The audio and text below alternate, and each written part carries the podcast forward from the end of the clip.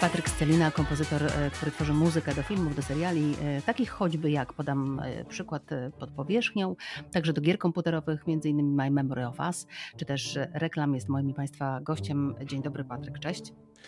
Cześć, dzień dobry Państwu. Kiedy umawialiśmy się na rozmowę i pytałam nad czym pracujesz, to powiedziałeś, że musisz posprawdzać w tych wszystkich umowach z klientami i twórcami, o czym możesz mówić, a o czym nie możesz mówić. Zatem udało się, jest szansa na powiedzenie o czymś aktualnym e, w tej chwili, nad czym pracujesz?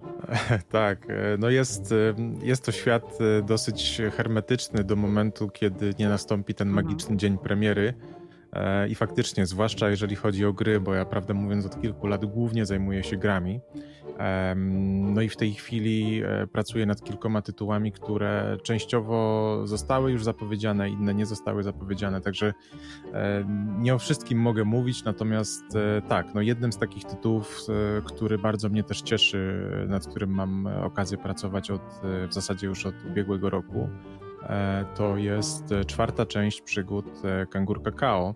Mhm. To jest taka nasza rodzima e, produkcja. E, postać, która ma już w zasadzie 20 lat, bo pierwsza część KO pojawiła się 20 lat temu. I jest to też e, dla mnie pierwsza okazja w ogóle wejścia w taką markę, która już istnieje i w pewnym sensie jakby dopasowania się do tego, co, co już było, no bo pracując nad innymi tytułami przeważnie mam okazję od początku, od początku tworzyć ten świat i w pewnym sensie go kreować. E, a tutaj e, z jednej strony zależy mi na tym oczywiście, żeby pokazać swój głos i zrobić coś nowego, e, ale też no, nie chciałbym odbiegać aż tak bardzo od tej stylistyki, która, no, którą prezentuje sama gra. A to jest spore ryzyko chyba, prawda? Wchodzisz w czyjeś trochę buty. Trudno poskromić twórczość twórcy z jednej strony, a z drugiej strony, no właśnie tak jak mówisz, e, trzeba się dostosować. To jest kłopot? W tym wypadku akurat e, z radością mogę powiedzieć, że e, nie jest aż tak trudno z tego względu, że istnieje bardzo duża powiedziałbym, przepaść e, między poprzednimi częściami a tą nową, która w tej chwili jest produkowana i została zapowiedziana.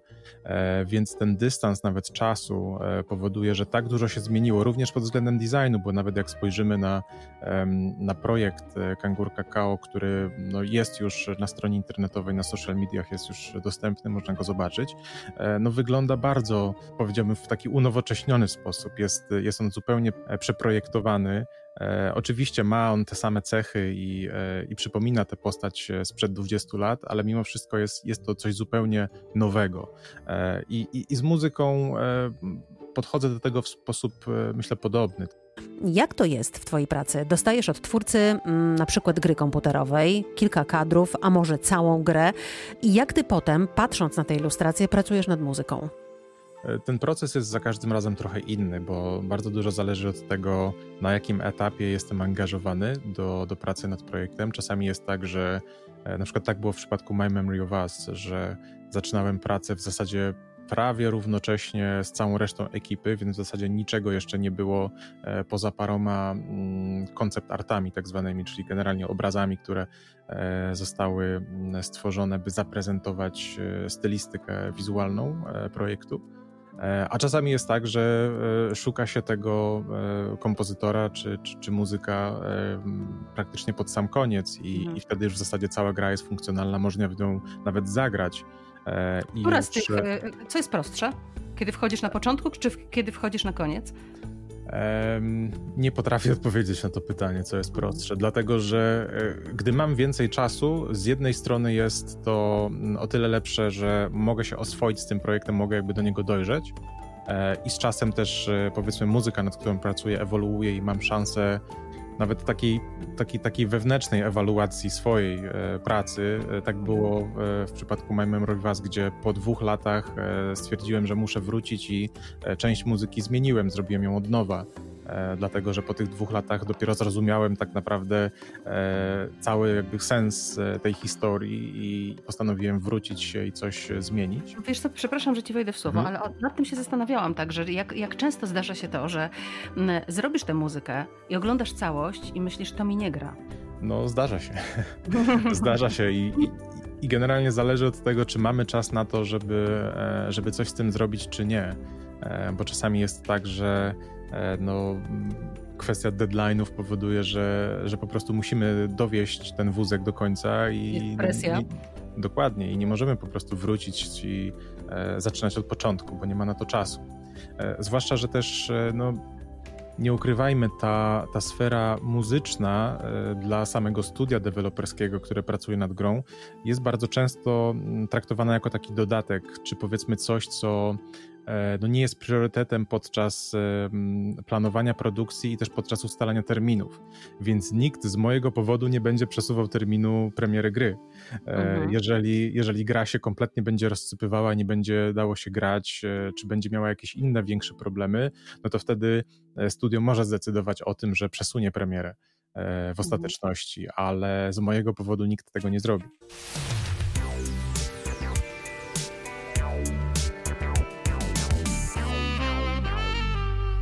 Chcę wrócić do takich czasów e, lat 90., e, bo to był chyba taki w Twoim przypadku czas, kiedy mm, dorastałeś, tak? Tak, tak. No, no właśnie. Lat, lata 80., 90. Lata 80., 90. To też jest czas e, rozwoju nowych technologii, prawda? Pierwsze komputery się pojawiają gdzieś pod koniec lat 90., czy w połowie.